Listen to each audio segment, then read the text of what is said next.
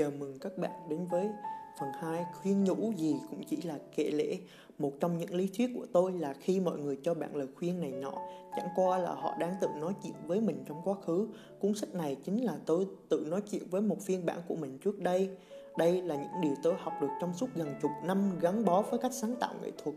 Như một điều khôi hài sẽ tới, ấy là tôi nhận ra rằng chúng không chỉ dành riêng cho nghệ sĩ mà cho tất cả mọi người.